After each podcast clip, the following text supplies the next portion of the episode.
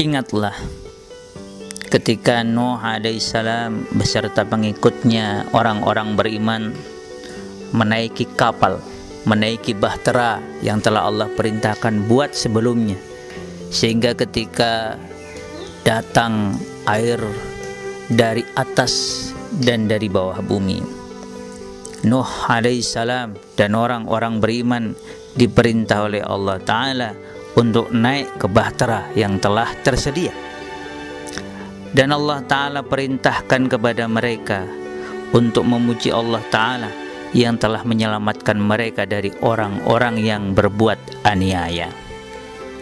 Dan Nuh alaihissalam beserta pengikutnya diajarkan satu doa. Doa yang indah doa yang penting untuk kita teladani di hari-hari ini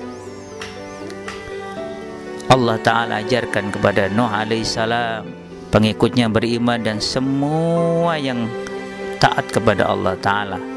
Rabbi anjilni munjalam mubarakaw wa anta khairul munzilin.